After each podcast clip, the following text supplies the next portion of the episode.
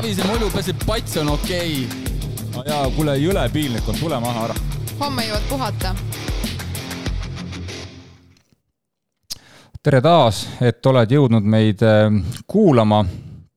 Äh, mina olen endiselt äh, Priit ja minuga on stuudios üks vähestest külalistest, kes on meil käinud nüüd saates mitu korda, meil on mõned teised ka käinud kaks korda aga nüüd ka siis teisekordse osaga on meil stuudios taas kord Tartu Ülikooli liikumise spordipsühholoogia professor Jarek Mäestu. tere, Jarek! tere, tere, Priit ja veel kord tänud kutsumast ja rõõm on olla kuidas nende auväärsete, auväärsete isikute hulgas, kes on siia sattunud juba mitmendat korda. jaa, juba mitmendat korda, kuidas siis äh, Tartus äh, ilm on?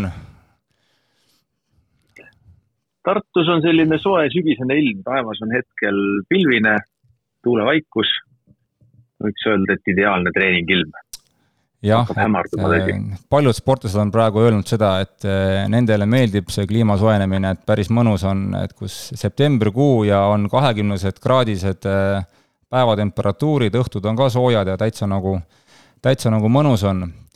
Nagu te aru saite, siis saade läheb meil või noh, toimub meil siis läbi, läbi veebi, läbi Google Meeti, ehk siis ühendus Tartuga on meil õhu kaudu stuudios olen ma kahjuks üksinda ja räägin iseendaga. ja loodame, et kõik äh, asjad siin vastu peavad, vahepeal vool ära, vool ära ei lähe, internetiühendus ei kao ja nii edasi ja nii edasi. et äh, aga eelmine kord meil läks sellega väga hästi, nii et ma arvan, läheb seekord ka, ma ei näe siin mingit probleemi. millest me täna räägime, me räägime täna jõutreeningust ja selle nii-öelda teaduslikust poolest, mida siis teadus ütleb, äh, kuidas oleks kõige mõistlikum jõutrenni teha. aga esimese asjana võib-olla alustaks sellest, et eh, mis on sinupoolne selline siis eh, definitsioon, eh, mis asi see jõutreening on või, või siis niipidi küsida, et mis, mis, mis teeb jõutreeningust jõutreeningu, et kuidas siis ikkagi nagu vahet teha, et millal on ta mingi mänguline treening, millal on ta vastupidavustreening ja millal siis asi muutub jõutreeninguks, et mis selle asja niisugune lihtne definitsioon on, et kui inimene hakkaks hindama, et ta teeb mingit trenni, et ta saaks aru, et ma nüüd teen jõutrenni? Äh, no kõige lihtsamalt öeldes, alustame lihtsamatest asjadest. definitsiooni kohaselt öeldakse või teadus on enam-vähem ühel jõul, et jõud on selline võimekus siis lihaskontraktsiooni abil ületada siis välist vastupanu. ja kui me nüüd selle lihaskontraktsiooni peale mõtleme, siis, siis neid on ju meil väga erinevaid. et alates sellisest klassikalisest tõstmisest, kus see lihaskontraktsioon on hästi-hästi nii-öelda intensiivne, on vaja tõsta üks raskus, võimalikult suur raskus ühe korra ülesse. ja seal teises otsas võib-olla on, on näiteks maratonijooksja, kus see lihaskontraktsioon on oluliselt madalama intensiivsusega. küll aga tuleb siis seda olla suutelised taluma noh, tippjooksjate tunde aega, aga, aga harrastajatel neli ja rohkemgi tunde. ja, ja ka seal on tegelikult teatavad jõuvõimed ole äh,, olulised selleks, et siis sellele lihaskontraktsiooni või sellisele aktiivsuse tüübile nii-öelda vastu seista. ehk et see jõud, natukenegi nagu vastupidavus on hästi-hästi pikal skaalal ja, ja, ja kui nüüd tulla selle küsimuse teise poolele et mis siis on jõutreening, siis, äh, siis me saame jõutreeninguga täpselt samasuguseid nii-öelda jõukomponente treenida, mõõta, mõjustada. ehk et kõige üldisemas mõistes jõutreeningu mõttes, kui me ületame, ületame seda intensiivsust või seda äh, nõuet, mida me, millist raskust meil on vaja tõsta.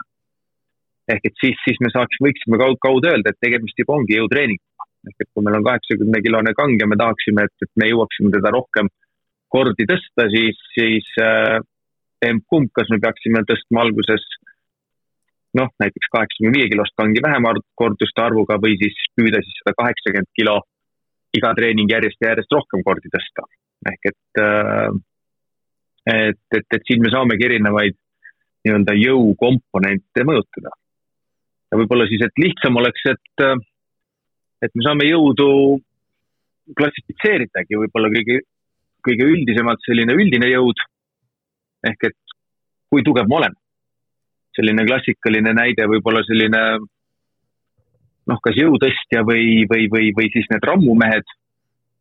et nad ongi väga tugevad. ja selle sees siis saab olla ka spetsiifiline jõud, mis, mis on siis ühe konkreetse spordiala spetsiifiline jõud. jällegi näide, et jalgrattur võib teha üsna suure kangiga või üsna suure raske kangiga kükki, kui ta on sprinter. aga see ilmtingimata ei tähenda, et ta suudab väga efektiivselt seda jalgade jõudu ka võib-olla siis kadentsikis pedaleerimisse üle kanda. siis on maksimaalne jõud ehk et tõesti, et see raskus, mida me suudame ainult ühe korra tõsta. Äh, jõu vastupidavus on ka tegelikult jõuvõimeliik ehk et siis püüda võimalikult kaua säilitada üsna kõrget lihaskontraktsiooni neljasaja meetri jooksja, ka kaheksasaja meetri jooksja või maadlus on sellised klassikalised näited. ja siis on loomulikult veel plahvatuslik jõud ehk et kus me siis üritame kombineerida kiiruse ja jõu, kuulitõuge, kaugushüpe, kõik sellised alad ja lisaks siis ka kiire jõud, kus siis see vastupanu on hästi pisikene, hästi väike, võib-olla kümme-viisteist protsenti kõigest. aga see liigutus peab olema siis väga kiire. poks, karate, sellised spordialad, ehk et, et kui su küsimus, mis on siis jõutreening, siis jõutreening saab olla kõikide nende erinevate raskustega, pidades silmas siis, millist jõuvõimet me parasjagu arendada tahame. Ja see treeningu koormus seal peaks siis olema mingil kujul natukene suurem kui see jõud, milleks me parasjagu suutelised oleme. selleks me nagu, nagu ka jooksuski, et, et kui ma tahaks, et ma jooksus arenen, ma peaksin jooksma järjest rohkem järjest kiiremini selleks, et arengut taga, tagada ja sarnaselt on ka siis jõuga, et ma peaksin siis kas siis suurendama kordusi või suurendama siis vastupanu. see tegelikult jah, lõpuks see sõltubki hästi palju sellest eh, siis koormustaluvusest, mis see hetk meil nagu on, on ju, et ja see on võib-olla väga nagu muutlik, et ma ei tea, võtame kas või võib-olla halva, halva näite mingi taastusraviga näiteks, et kui on ikkagi pärast äh, ma ei tea, AC, ACL-i lõikuse järgne inimene, võib-olla jõutreening see, et ta lihtsalt tõuseb tooli pealt püsti, noh, puhtalt, et see on tema jaoks juba treening, jõutreening, sest et ta ületab teatud raskusi, mis tema jaoks on üle, nagu juba nagu rasked, on ju, et ja, ja siis just, just. ja siis minnes sealt edasi, siis ongi siis, et kas ta siis hakkab juba siis äh, suuremate raskuste poole liikuma, kas ta võtab mingid raskused endale kätte või ta siis, ta, ta siis nagu sealt üritab siis ennast püsti ajada või siis hakkab siis juba mingi masinatega tegema, on ju just, just ehk et see on, see on täpselt sarnased põhimõtted nagu, nagu mis iganes treeninguga. ehk et mm -hmm. kui, kui võimekus on madal, siis on koormused madalamad, võimekus kasvab, kui eesmärk on võimekusi kasvatada, siis peavad mm -hmm. ka mhm. koormused kasvama mm. -hmm. et reeglina siis jah, et kui me tahame konkreetselt jõuvõimekuse juurde jääda, siis me peaksime äh, enda arengu mõistes või arenemise mõistes siis vaikselt suurendama raskuse. et kui me täna jõuame näiteks üldise jõu mõistes võib-olla kaheksakümnest kilo, kilost kangi tõsta kaksteist korda, siis kui me tahaksime jääda sellist nii-öelda üldjõudu treenima, kui ma nüüd tunnen, et ma jõuan seda sama raskust tõsta viisteist korda, siis pigem ma peaksin panema raskust juurde, et jääda siis uuesti sinna kaheksa või kaheteist korduse juurde. jõuan jälle kaksteist korda ära teha, isegi kolmteist, neliteist korda, mõistlik on jälle raskust juurde panna, et olla siis seal nii-öelda äh, kaheksa kuni kaheteistkümne korduse raamides mm. -hmm. et kui panna juba, kui raskus jääb kergemaks, siis pigem hakkab see treening nihkuma sinna jõu vastupidavuse suunale, et ma jõuan sellesama raskusega teha juba kakskümmend, kolmkümmend kordust, siis ma enam nii väga see, seda üldjõudu ei pruugi arendada kõige efektiivsemalt, aga hakkab vaikselt arenema enam nii-öelda jõu vastupidavus. sama selle... reegel nagu ka vastupidavuse puhulgi, et, et kui kiirused, võimekus kiirustega kasvab, siis ma pean nende kiirustega kaasas käima, mitte siis jääma kogu aeg või pikemaks ajaks siis äh, ühtede kiiruste juurde. Aga kui jääda paigale, jääda selle kaheksa, kaheksakümne kilo juurde, kas ma vähemalt siis nagu säilitan selle, mis mul on, on ju? et, kui ma regulaarselt teen kaheksakümnega oma kaksteist kordust ära, siis see mul ära ei kao, siis ma ikkagi nagu säilitan seda ju. jah, seda põhimõtteliselt üks-kaks korda nädalas, siis äh, erinevad uuringud on näidanud, et see on täiesti piisav selleks, et, äh, et jõuvõimekust nii-öelda säilitada. ja teatud vanusest, tõsi, võib juhtuda, sõltub ka, et, kui ma nüüd olen nii-öelda noorem, siis võib juhtuda, et see mingil ajal, kuidas öelda, et, et kui ma olen noorem ja mu, ja mul veel nii-öelda organism nii-öelda areneb, siis võib juhtuda, et jah, ma seda võimekust nagu säilitan aga okei okay,, võta siit ära, sest läheb liiga keeruliseks. Okay.. ei no ma arvan, et seal on see, et ma võtan, ma võtan oma, oma nagu istekohalt selle, et uh, uuringud on väga selgelt näidanud seda, et, et nelikümmend pluss vanuses lihasmass ja, ja jõud, ma ei öelnud, kui ma mäletan, kumb oli kumb, äkki oli lihasmass kaob üks protsent aastas, on ju. sellega seoses meeste puhul kaob ka siis lihasjõud, on ju. Kindlasti ka mingisugune protsent aastas, on ju, kui ma mitte midagi ei tee, on ju. Eriti just on -hmm. siis siin, siin siis ikkagi peetud siis silmas äh, inglise keeles äh, resistant training, mis on siis nii-öelda siis mingisugune vastupanuga treening, on ju.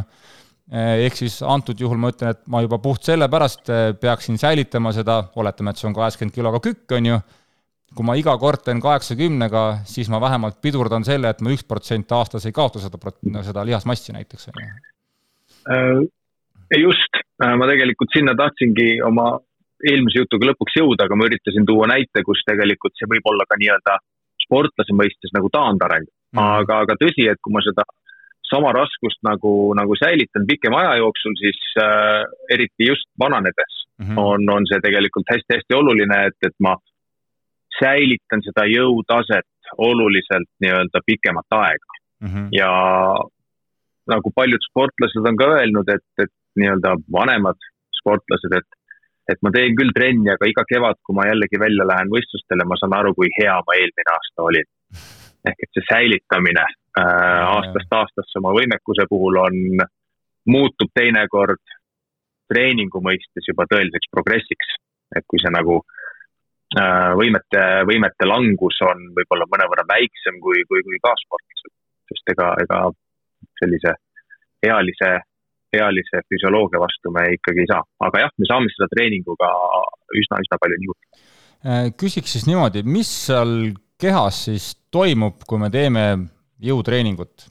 et äh, mis need niisugused esmased muutused on, millest ise võib-olla siis aru ei saa või, või siis mingid muutused, millest siis võiks hakata aru saama, et ma, et ma tõesti lähen paremaks, kui kui võib-olla ei oska seda muud moodi hinnata läbi mingisuguste raskuste või või kordust, et eh, mis need niisugused peamised muutused on? eks, eks ta natuke sõltub kõigepealt ka sellest, et mis on siis, mis on siis äh, inimese tase või kui palju ta on jõutreeninguga tegelenud äh,. mina näiteks isiklikult teen üsna vähe jõutreeningut, lihtsalt puhtalt sellel põhjusel, et, et ma tean, et ma peaksin seda tegema. aga kuna aega on vähe, siis, siis ma nagu pigem teeksin treeninguid väljas ehk et ka minu puhul, et ma tegelikult pean ennast üsna treenituks, aga kui ma jõusaali läheksin ja üritaksin näiteks noh, rinnalevõttu natukene äh, või, või rinnalt surumist natukene nii-öelda kaasa aidata ja teeksin selle nimel äh, nii-öelda trenni, et see tulemus paremaks läheb, siis ma tõenäoliselt selliseid esimesi nihkeid näen tegelikult päris kiiresti. ja seda eelkõige seetõttu, et, äh, et paraneb olulisel määral siis närvi ja ja lihase omavaheline koostöö, ehk et ma kõigepealt õpin piltlikult öeldes äh, rakendama rohkemaid lihaskiude selleks, et see kang siis nii-öelda üles lükata. kui ma olen jõutreeninguga tegelenud, siis, siis see esimene efekt nii kiire ei ole. et ma arvan, et ma suudaks paari nädalaga küll oma nii-öelda rinnalt surumise tulemust kenasti nii-öelda mm -hmm., nii-öelda parandada. nüüd järgmine samm on see, et, et et, ähm, et see järgmine arenguhüpe, kui ma nüüd jõutreeningut puhtalt teeksin, toimub siis selle arvelt, et äh, kui neid lihaskiude siis nii-öelda, see aktivatsioon on toimunud juba piisavalt pikka aega ja neid nii-öelda rohkem paremini ei, ei ole või, võimalik enam õpetada, siis äh, kuidas öelda, kontraheeruma, siis seejärel alles me hakkame nägema sellist äh, lihaskiudude hüpertroofiat, et hakatakse siis sünteesima uusi siis lihasvalke. ehk et selleks, et nüüd mõõta ka, et mul rinna ümbermõõt läheb suuremaks või, või biitsepsi ümbermõõt läheb suuremaks, selleks juba peaks no vähemasti kolm, isegi neli või viis nädalat jõusaalis aega veetma äh,. enne kui siis neid muutusi on näha. ehk et esimeses faasis siis jõuvõimete ja, ja üldise kehapildi vahel seoseid ei ole. kui me nüüd teeme seda siis rohkem ja pikemalt, siis on ka juba peegli ees võimalik näha, et, et äh, keha koos nii-öelda siis pilt, lihase struktuur äh, hakkab muutuma ja kindlasti kusagil on, mida me nagu otseselt ei tunne, aga põhimõtteliselt on võimalik nagu, nagu hinnata, on see, et kindlasti jõutreeninguga me parandame oma ainevahetust ja me kiirendame oma ainevahetust. ehk siis äh, ka kehakaalu alandamise mõistes on ta kindlasti väga hea vahend äh,. või siis vastupidi äh,, kui on soov tarbida rohkem kaloreid ehk et siis mhm. minna jõusaali ehk et hoida siis nii-öelda äh,, hoida siis nii-öelda ainevahetus või äh, energiakulu energia tarbimine siis äh, tasakaalus mm. -hmm. et need vast on sellised esmased ja suuremad numbrid, et loomulikult lihasaku siseselt tekivad erinevad muutused äh, ja organismis, aga, aga tavainimese mõistes vast need on kõige mõõdetavamad ja sellised käegakatsutavamad.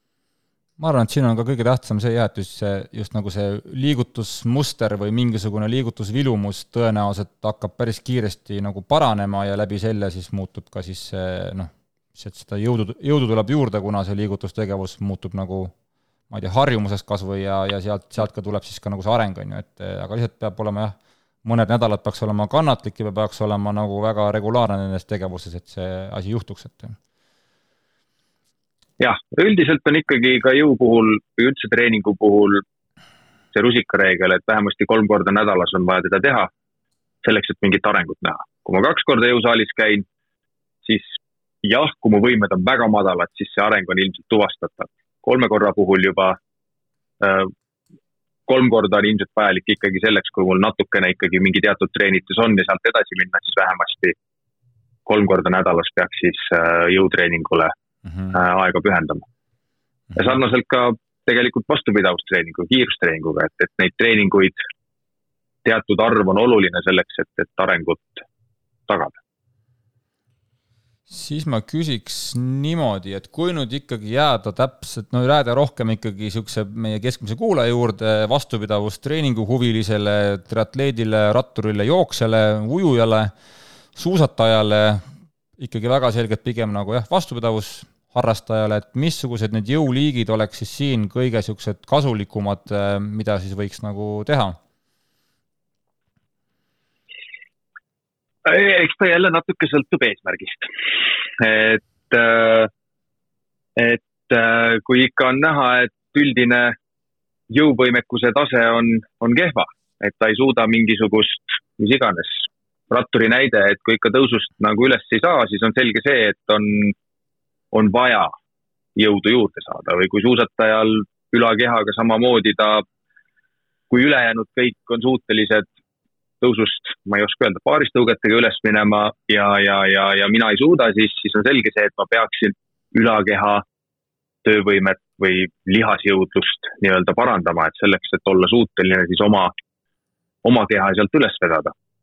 teistpidi jällegi see võib olla mingil hetkel olla just sellise maksimaaljõu vajadus, et seda on nagu keeruline öelda, aga ja, ja mingitel juhtudel on ka, on ka täiesti põhjendatud näiteks teatava lihasmassi juurdekasv mm. -hmm. selleks, et olla edukamad, kuigi, kuigi sellesse peab alati suhtuma sellise suure reservatsiooniga, sest seda suurenenud lihasmassiga üks või kaks kilo, selle nii-öelda edasi transportimine eriti kui, kui ollakse siis näiteks jooksjad. rattal ei ole see võib-olla nii oluline, sest äh, rattal on kehamisest toetatud. et see on ka seotud üsnagi suure energiakuluga.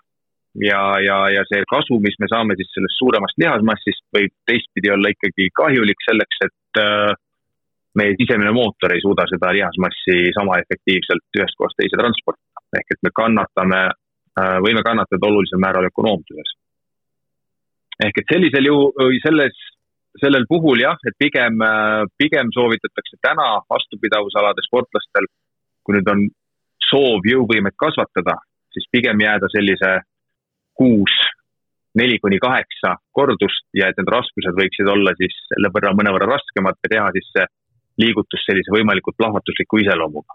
jällegi, et stimuleerimaks just seda närvilihase omavahelist koostööd. ja sellega on uuringud hästi, hästi palju ja hästi üheselt näidanud, et, et kui selline treening siis oma vastupidavustreeningule võtta, siis, siis need kasud on, on, on päris olulised ja ta ei mõju üldsegi negatiivselt, pigem positiivselt isegi ka maksimaalsele hapniku tarbimisele. ta parandab siis nii-öelda lihaste jõunäitajaid ja koos nendega tegelikult paraneb ka siis äh, vastupidavus ja nii üllatus, kui see ei ole, ka siis äh, tegelikult ökonoomsus mm. -hmm. kas see neli kuni kaheksa kordust, mis seal need äh, seeriate arv võiks umbes olla orienteeruvalt ja ka siis puhkus seeriate vahel? Kas see mängib ka rolli mingil määral siis siin? Äh, eks ta selles suhtes ikka mängib, sest äh, et see sõltub jällegi ju, ju nii-öelda treenitusest.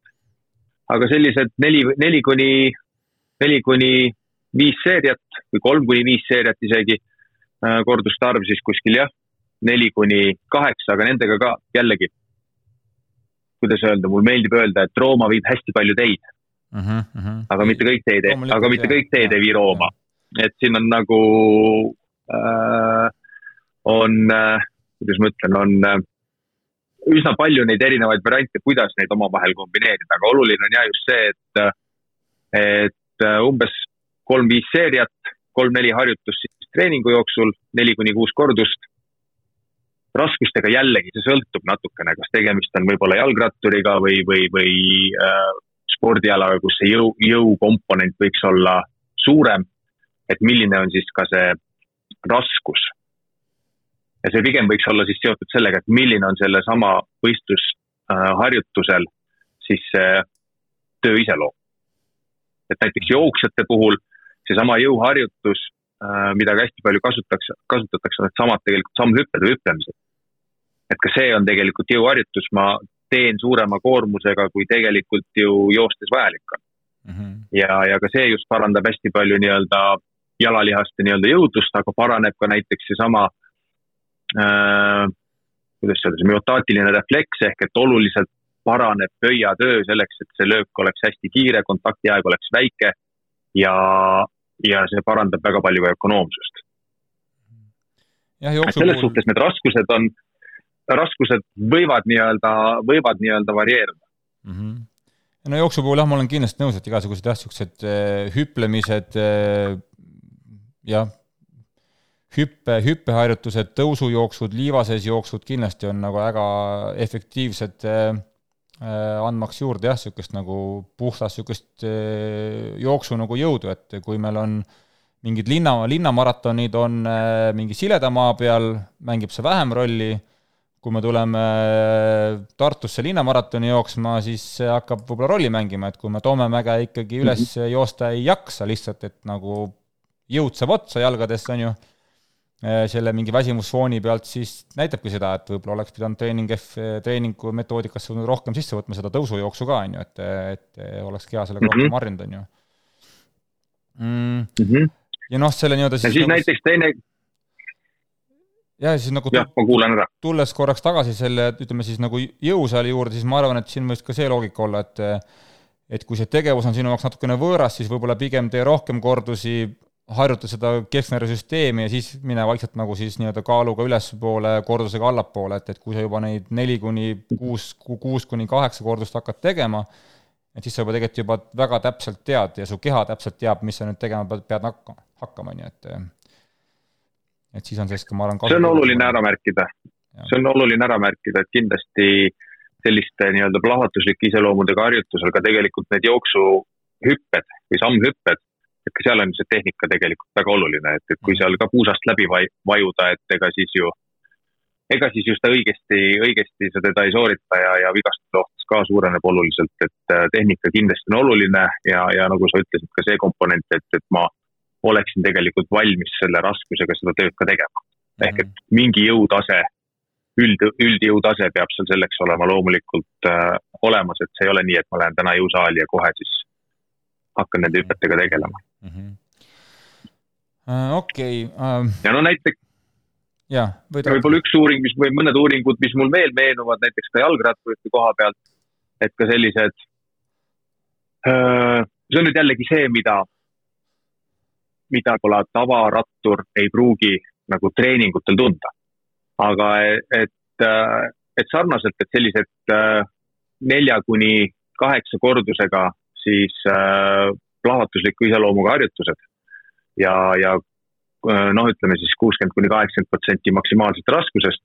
et kui nüüd sellega teha nii-öelda siis jõutreeningut, siis äh, on uuringud, uuringud nii-öelda näidanud, et selline klassikaline võib-olla pikemaajalisemas grupisõidus, et seal ei ole tuvastatavad, et nüüd see oleks rattur ökonoomsem, et tal oleks hapniku tarbimine seal võib-olla madalam või subjektiivne enesetunne miskit moodi kergem.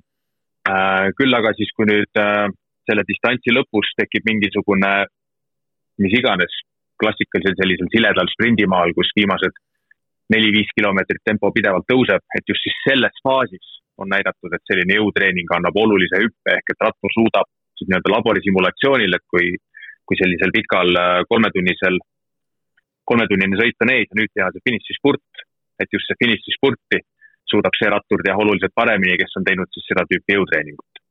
aga seda nüüd nii-öelda jälle füüsiliselt on ratturil väga raske hinnata, sest mm. see sõltub hästi palju sellest, et, et, et kuidas see, kuidas see silemaa seal enne, enne nii-öelda läbitud on ja millisele positsioonile ta siis seal finišis satub, et kui ta lõpuks ikkagi satub kehvale positsioonile, siis ta ju arvab, et näed, kasu ei olnud midagi. Aga tal lihtsalt ei lastud seda sõitu või nii-öelda head positsiooni valida. et, et ka seal võib olla mingi, mingi oluline efekt, mida on raske niimoodi kohe treeningul tunda mm. -hmm. aga jällegi äh, ta ei näidanud ka kusagil selliseid negatiivseid efekte just sellisele klassikalisele baasvastupidavusele. ehk et see jõutreening pigem sellise efekti siis finiši kiirusele, finiši, just viimasele finiši sellisele võib-olla kolmele-neljale kilomeetrile andis olulise efekti mm. -hmm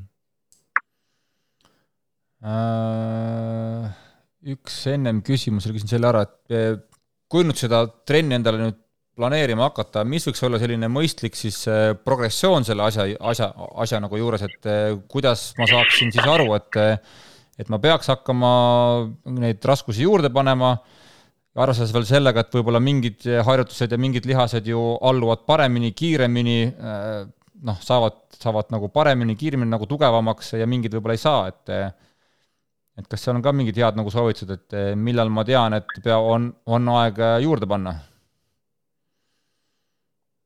Äh, no üldiselt, mis nagu teadusuuringud on tehtud, nad klassikaliselt kasutavad jällegi, see variatsioon on üsna suur, aga nad klassikaliselt kasutavad umbes seda, et umbes äh, kolme nädala kaupa, et kui ütleme, kogu uuringutsükkel võib-olla on kaheksa või kümme nädalat, pikemaid, tõsi, on tikutulega raske leida. ehk et mhm. kui keegi küsib, et mis siis juhtub kahekümne neljandal nädalal, siis, äh, siis, siis teaduses on siin nagu vähe juurde anda. aga sellised kaheksa-kümnenädalased uuringud, et nad pigem kasutavad sellist, äh, et kolme nädalaga, kolme nädala kaupa näiteks, et, äh, et kui alguses alustatakse kaheksa kordusega siis äh, järgmised kolm nädalat tehakse kuue kordusega, võib-olla viimased kolm nädalat siis nelja kordusega. ja siis natukene tõstetaksegi siis vastavalt äh, raskust selleks, et jääda siis sinna korduste piiridesse mm. -hmm. okei okay,, niipidi. aga kui niimoodi küsida, et kus, milline see järjekord võiks siis olla, et kui raskus, kuuled sa mind või? nii, Jarek kadus meil korraks ära.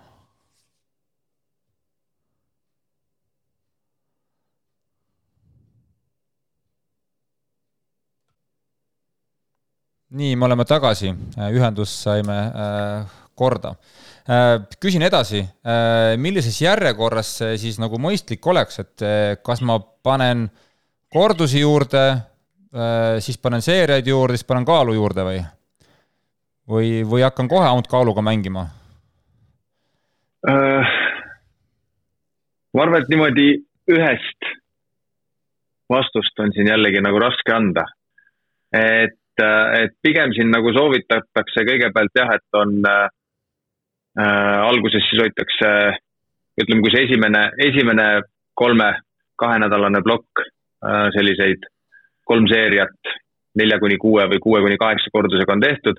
ehk et siis tuua kordused natukene allapoole, siis üks-kaks kordust ja lisada samaaegselt siis ka natukene raskust juurde mm. -hmm.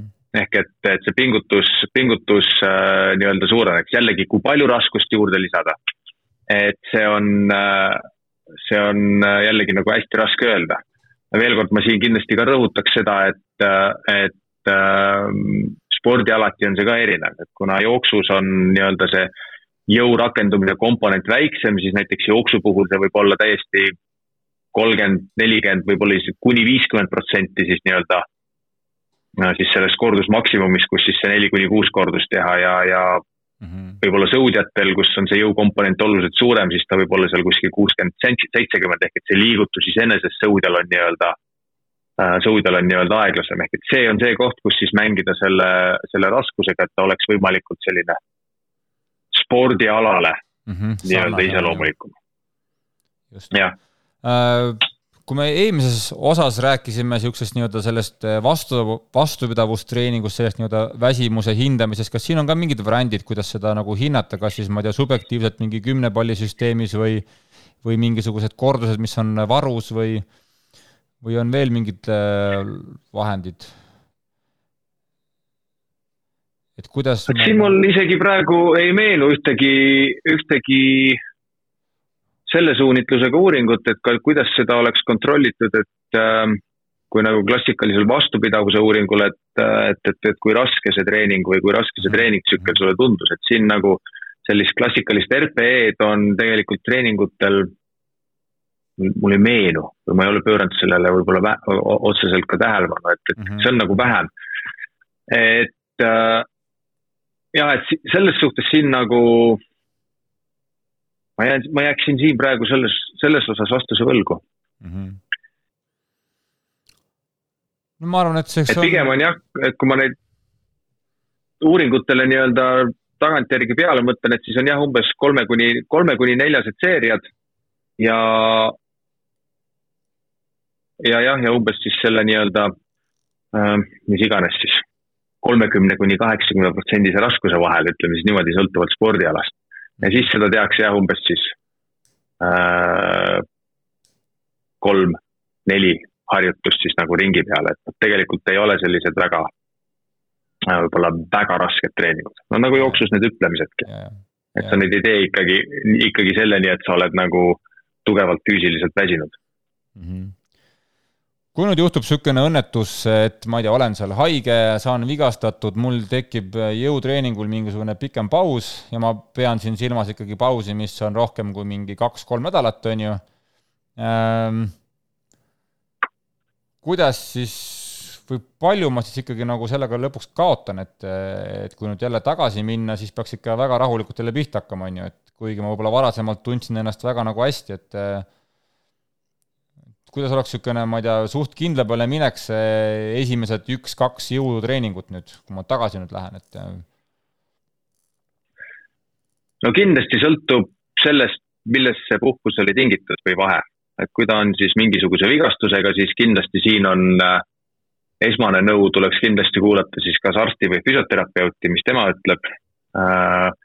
ja teine siis on ikkagi see, et alustada, kui ta ei ole vigastus, vaid mingi muu põhjusel, et ma ei ole jõusaali jõudnud, siis, siis igal juhul mina soovitaksin nii-öelda võtta esimesed treeningud rahulikult, et äh, väiksemate raskustega, väiksemate kordustega ja, ja mitte kindlasti kohe, nagu me juba ka varem rääkisime, et mitte alustada siis selliste suurte raskuste või selliste plahvatusliku iseloomuga harjutustega, vaid ütleme, no ma julgeks öelda viis-kuus trenni kindlasti, sõltuvalt siis jällegi sellest no mhm. üldiselt me ju tunneme, me umbes teame, kus meil see tase oli, et, et kas ma nüüd jõuan enam-vähem sinna, kus ma olin, et siis nii-öelda vaikselt liikuda sinna suunda tagasi, et kus, kus ma siis nii-öelda endiselt olin mm. -hmm. En, ja siis vastavalt sellele ka siis nii-öelda raskuseid panna, et, et mm, -hmm. et jah, spetsiifilisemalt on raske öelda, sest juhtumid on ju jällegi nii erinevad.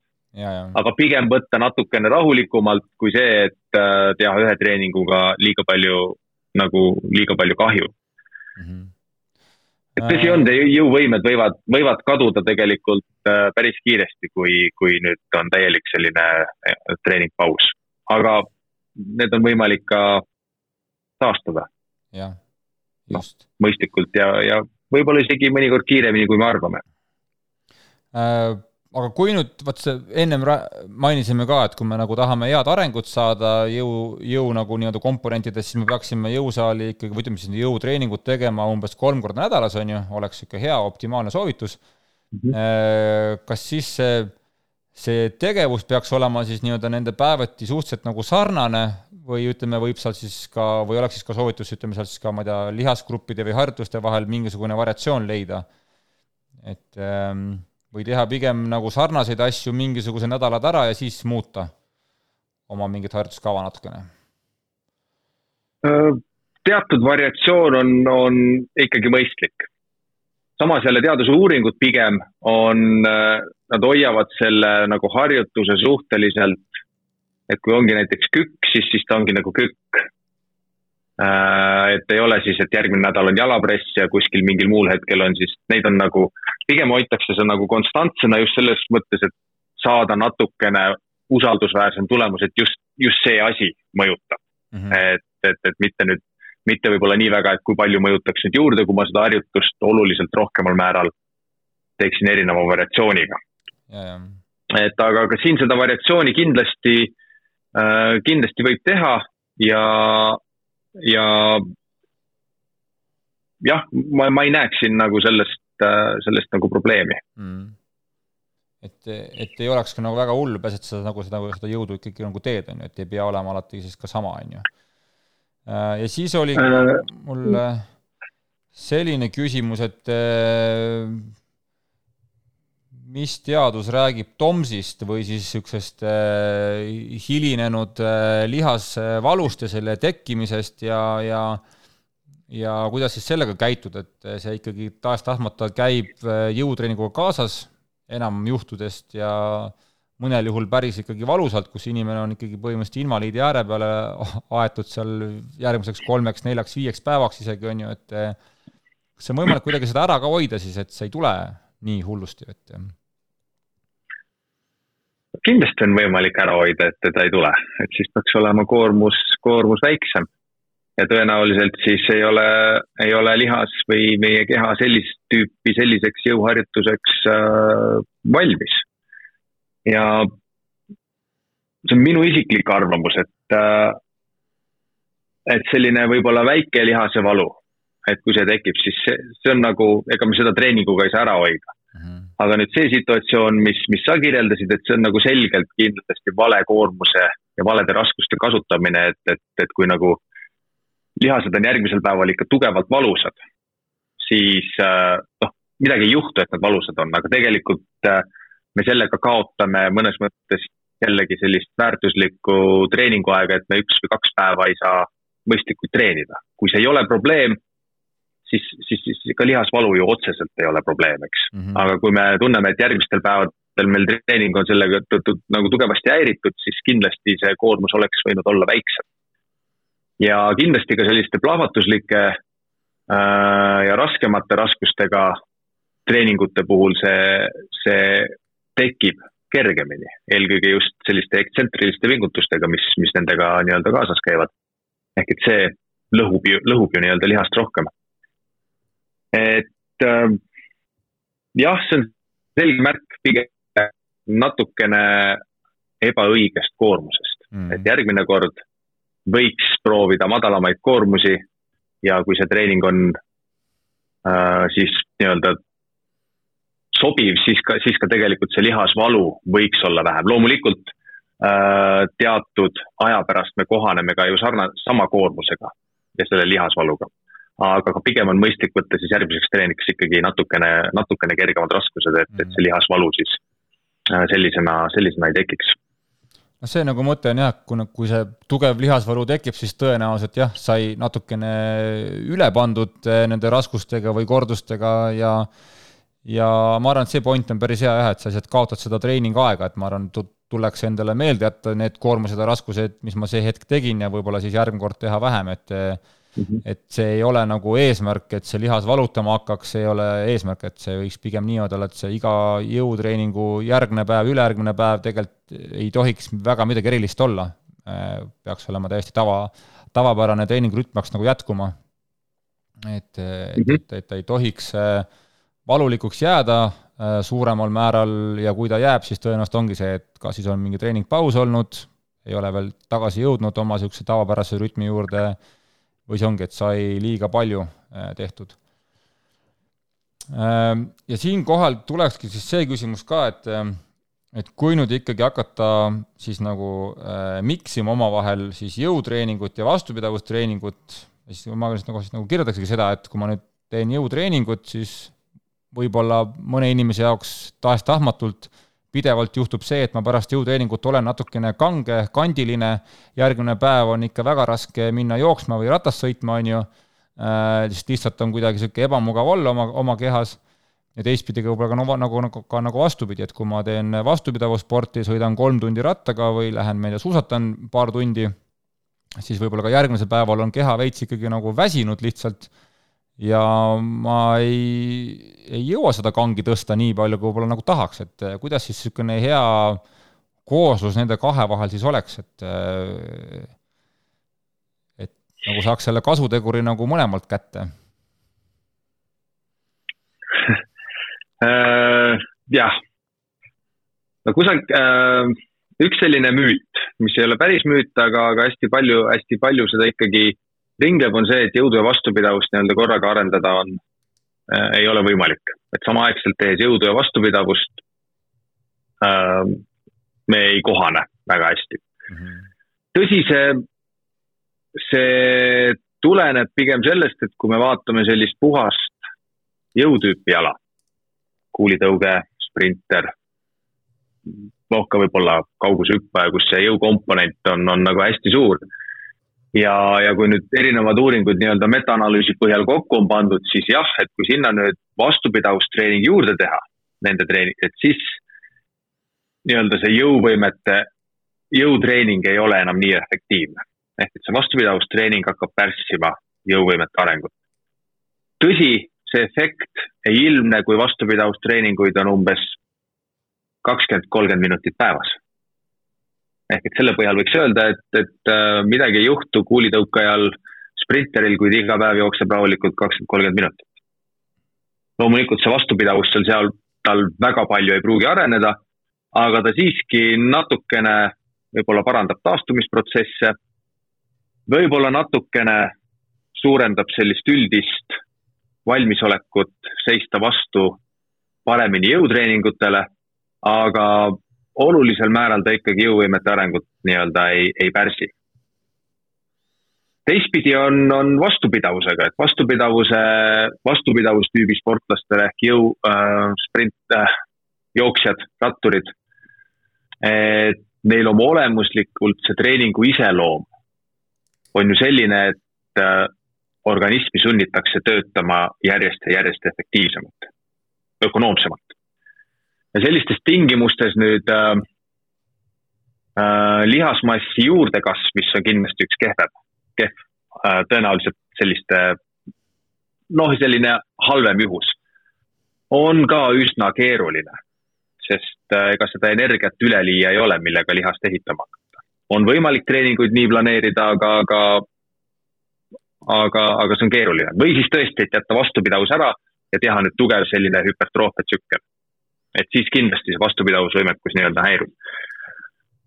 et aga, aga muudel juhtudel võib ütleme tuuagi niimoodi siis äh, ühele pildile kokku, et, et nii jõu kui vastupidavuse puhul me saame rääkida nii treeningu perifeersetest kui tsentraalsetest efektidest.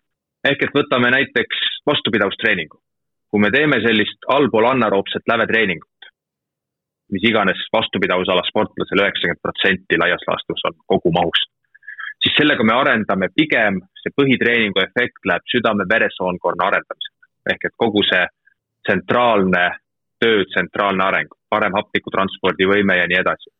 ja nüüd, kui me teeme sellist intensiivset treeningut, siis seal hapniku tarbimise lähedastel intensiivsustel, siis me pigem see efekt läheb perifeeriasse ehk et kuidas lihases toimub teatav adaptatsioon siis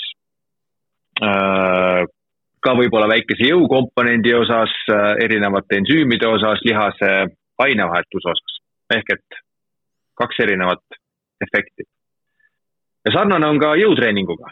ehk et kui me teeme sellist klassikalist pikk suuremate korduste arvuga treeningut, et rohkem kui kümme kordust, siis pigem see efekt jällegi läheb äh, äh, nüüd sellise lihase jõuvõimekuse arendamisele ja kui me teeme väiksemaid korduste arvusi, arvu, siis see pigem läheb sellise tsentraalsele efektile ehk et me arendame sellist närvilihase omavahelist koostööd ehk et nii-öelda äh, tsentraalsele. ja nüüd see kõige kehvem koht, kus vastupidavus ja jõud hakkavad omale väga palju vastu töötama, on siis, kui me teeme sarnase kohanemisega treeninguid. ehk et kui me teeme mõlemaid meil pigem, pigem mõjustavad sellist perifeerset efekti. kui jõutreeningud on kümme kordust ja rohkem ja vastupidavustreeningud on meil kavas hästi intensiivne treeningtsükkel. ehk et me pigem teeme intervalltreeninguid. ja nüüd toome juurde jõutreeningud, samaaegselt teeme jõutreeningut, kus on, on võib-olla siuksed kümme, kakskümmend, kolmkümmend kordust. Vot see on see koht, mida peaks kindlasti nii-öelda vältima, et siis satub äh, nii-öelda jõutreening ja vastupidavustreening omavahel nii-öelda konflikti. kui me teeme neid samaseid kümnekordusega harjutusi ja teeme valdavalt siis pigem madala intensiivsusega treeninguid, siis tegelikult seda konflikti ei teki. kui me teeme samal ajal madala intensiivsusega vastupidavustreeninguid ja teeme selliseid plahvatusliku iseloomuga, noh, viis kuni kaheksa kordust harjutusi, siis seda äh, nii-öelda inglise keeles interferents, seda efekti samamoodi ei teki, et neid treeninguid saab omavahel koos teha samas treeningutsüklis. ja, ja see uuringute hulk on, on üsna, üsna muljetavaldav, äh, mis tegelikult näitavad selle nii-öelda üsna head efekti. ehk et siis jah, me saame umbes kolm sellist plahvatusliku iseloomuga jõutreeningut sellises treeningtsüklis, kus me pigem treenime rahulikult, üsna edukalt oma treeningplaani juurde lisada. me peame vältima intensiivset vastupidavustreeningut ühes tsüklis ja sellist äh, suurte kordustega jõutreeningut ühes treeningtsüklis et see on see ohtlik koht mm. -hmm. ja kus veel võib selline viga teinekord tekkida, kui, kui ma oma treeningute peale tagasi vaatan, ehk et kui me ka tegime võib-olla selliseid kahekümneseid kordusi, siis äh, ta nihkub sinna jõu vastupidavuse suunale, isegi ka teinekord kolmekümnesed kordused.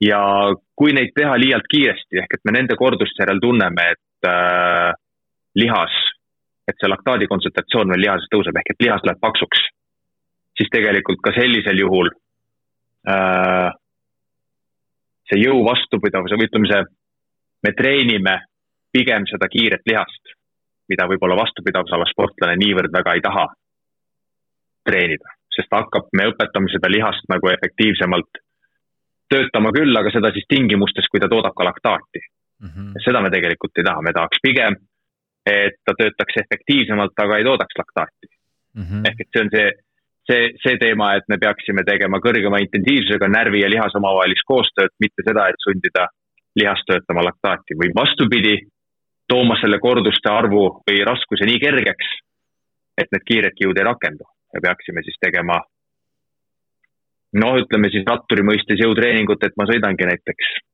ma ei ole küll rattur, aga kolmkümmend, nelikümmend minutit raske kadentsiga.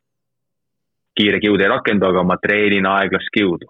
Treenin aeglast kiudu, efekti pole kohe näha, aga kui seda pidevalt ja palju teha mõistlikult, siis, äh, siis mingi aja pärast on, on ta, on ta kindlasti, on see efekt on näha mm. -hmm ja see on päris et hea. jah, ma rääkisin nüüd pikalt, mhm. slaidi pole, slaidi pole kõrvale panna, aga, aga selline plahvatusliku iseloomuga töö liitmine kahe-kolme treeninguga nädalas vastupidavustreeningute juurde peaks andma positiivse efekti, kartmaks seda, et vastupidavuse võimekus mul järsku saab mingil poel äh, häiritud. ma arvan, et see on päris hea point praegu, et äh, et lihtsalt, kui sa sinna jõule nüüd lähed, et siis sa ei hakkaks tegema väga pikkasid, väga kurnavaid seeriaid, mis siis selle laktaadi üles toovad, et kes väheginegi nagu tunneb, et see laktaat hakkab tulema, järelikult see on see ohtlik koht, on ju, et, et siis seda ei juhtuks, on ju, et et tehagi siis võib-olla siis lihtsalt väiksemaid kordusi, võib-olla siis ka suurema raskusega, et siis on see ütleme siis see närvisüsteemi mõju on piisavalt suur ja saame selle efekti kätte, võime koju minna, et aitab no lihtsustatuna küll, jah. ei saa jällegi teistpidi ei saa öelda, et, et neid, äh, seda jõutreeningut, mida sa just kirjeldasid, et see on nüüd miskit moodi halb. ei ole. aga ka selle, sellele kõrvale äh, me peame juba vaatama, et ei satuks siis see treening, kus me samalaegselt siis ka nii-öelda vastupidavustreeningud on äh, nii-öelda üsna kõrge intensiivsusega. ehk siis jah, teistpidi öeldes, et jah, teistpidi öeldes, et kui me teeme oma eriala mingeid intervalltrenne, on siis ma ei tea, rattaspurdid, jooksus mingid spurdid, lõigud on ju, siis sinna juurde see väga enam ei sobiks, on ju, et siis läheb nagu paljuks tõenäoliselt. just, just, just.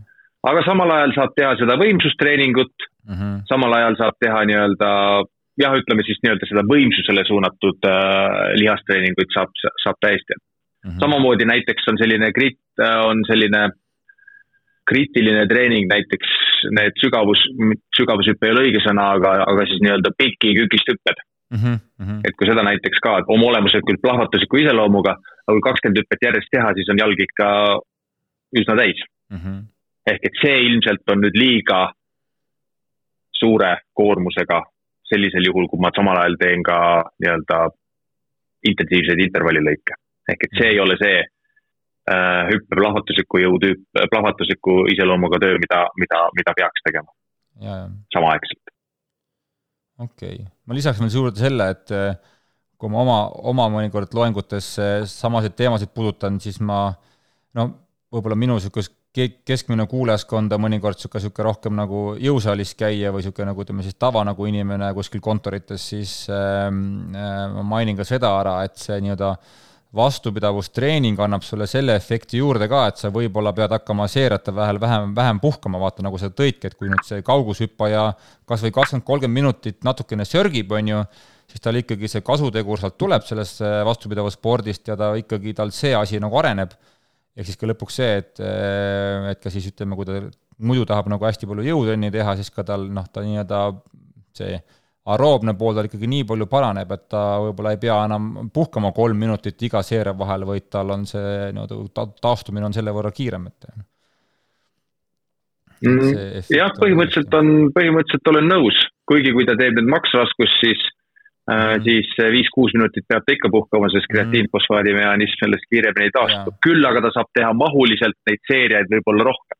ja ta selle treeningu järgselt, ta ei ole nagu nii väsinud. Ehk et mhm. see on, see on see kindlasti see oluline pool. Ja mis peamine on veel öelda, vähemasti uuringute põhjal, see ei häiri tema jõuvõimeid, kui teha sellist, sellist nii-öelda sellises mahus ka igapäevaselt sellist rahulikku aeroobset tööd võib-olla praegu üldistan ja lihtsalt oma mingi paari kõrvalt nähtu üle, kui ma olen käinud ka mõnes spordiklubis, mõnes mingisuguses ütleme siis rühmatreeningus, mingis ringtreeningus, mis on siis ikkagi suunatud rohkem nagu jõu peale siis ma päris tihti näen, et inimesed ikkagi nad lihtsalt eh, nagu, nagu oma nagu aroobse poole pealt nad ei jaksa enam teha neid asju, mitte see, et nad mhm. ei jaksaks enam seda nagu, seda nagu raskust tõsta, et kui nad seal natuke aega pikutavad, siis nad saavad jälle nagu edasi teha, et et siis ka see võib-olla see nagu soovitus, et, et nagu, et miks sa siis ei jaksa, ongi see, et sul see aroobne pool on nii puudu, et aga noh, seal võib-olla ongi niisugune võib-olla siis hirm või need valed arusaamad, et ma ei julge aroobset teha, kuna siis noh, ma kaotan jõus või või ma ei, mis mhm. iganes, on ju, et,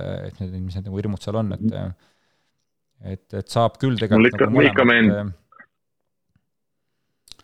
et siinkohal mul ikka meenub äh, minu esimese, mitte esimene õppejõud on vale öelda, aga treeningõpetuse õppejõu äh, dotsent Jaan Loko ütlus, et ilma piisava jõuvõimete arenguta, ilma piisava jõuvõime tasemeta vastupidavus areng peatub, ilma piisava vastupidavustasemeta jõuvõimete areng peatub mm. -hmm. ja need tasemed on erinevatel spordialadel erinevad, et ei saa tegelikult öelda, et, et mingi on, et on spordiala, kus ei ole mitte mingit vastupidavuse taset vaja mm. -hmm. teatavat taset kasvõi treeninguteks mingiks hetkeks on ikkagi sellist üldist, üldist taset vaja ja samamoodi kui viisteist aastat tagasi öeldes maratoonarile jõutreening, siis äh, võiks öelda, et mitte ükski tipp, tippmaratoon seda ei teinud, siis täna nad seda teevad ja et see jõutreening on neil, on neil äh, igati treeningu osa ja, ja nagu näha, siis maratoni tulemus on ka juba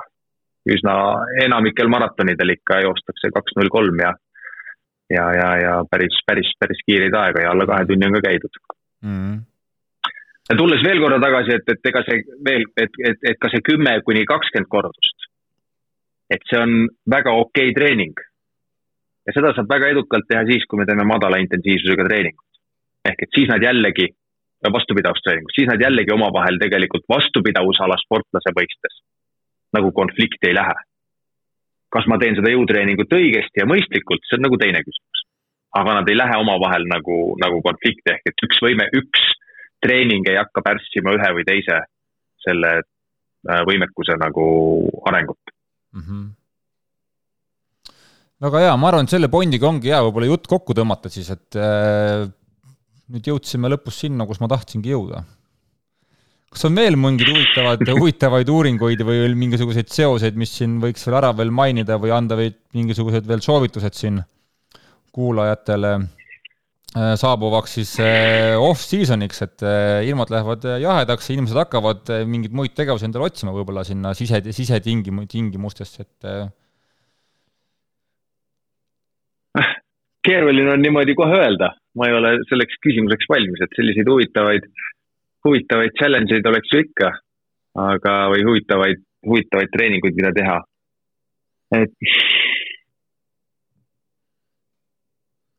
ma ei tea, ma, ma ei oska niimoodi öelda, proovige, tehke treeningud endal huvitavaks.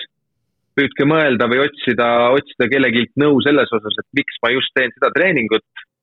Kas see on alati kõige mõistlikum treening, mida ma teen?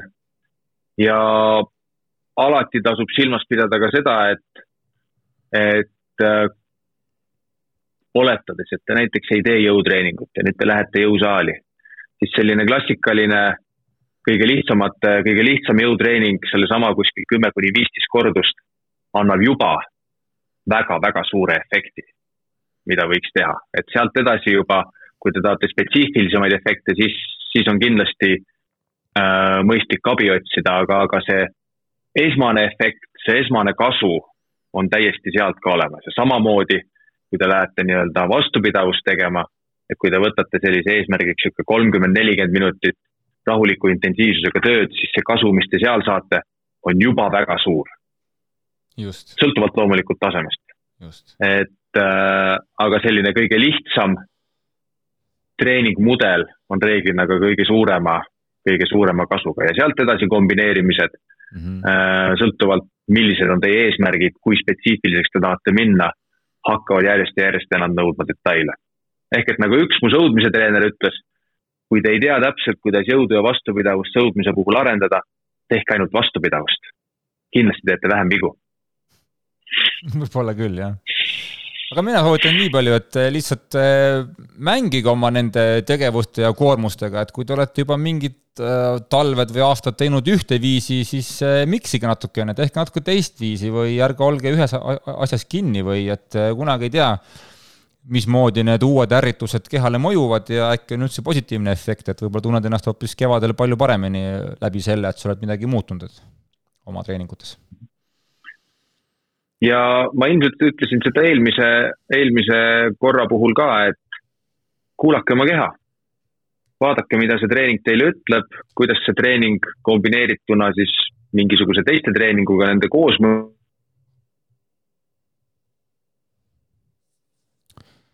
ja Jarek lahkus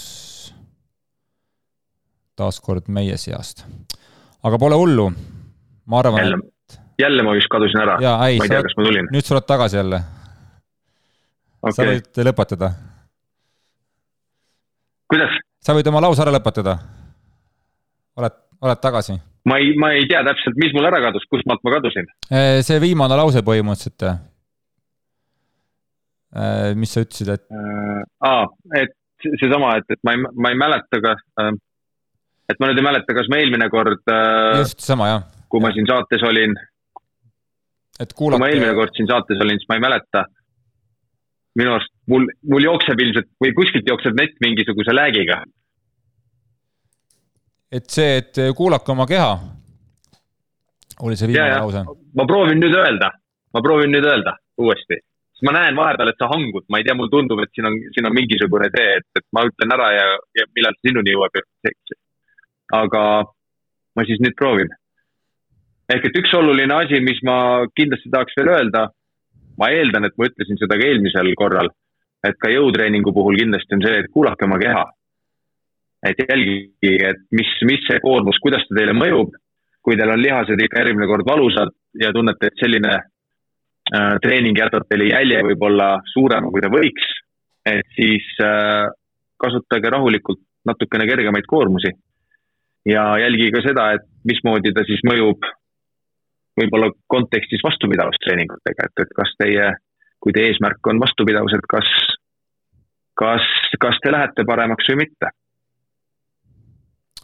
just et usaldage oma, usaldage oma sise, sisetunnet ja usaldage oma keha ja ta ütleb sulle selle õige vastuse ära õigel ajal. aga aitäh taaskord, et sa olid nõus meiega jutustama ja järgmiste jutuajamisteni. Aitäh kutsumast ja kohtumiseni!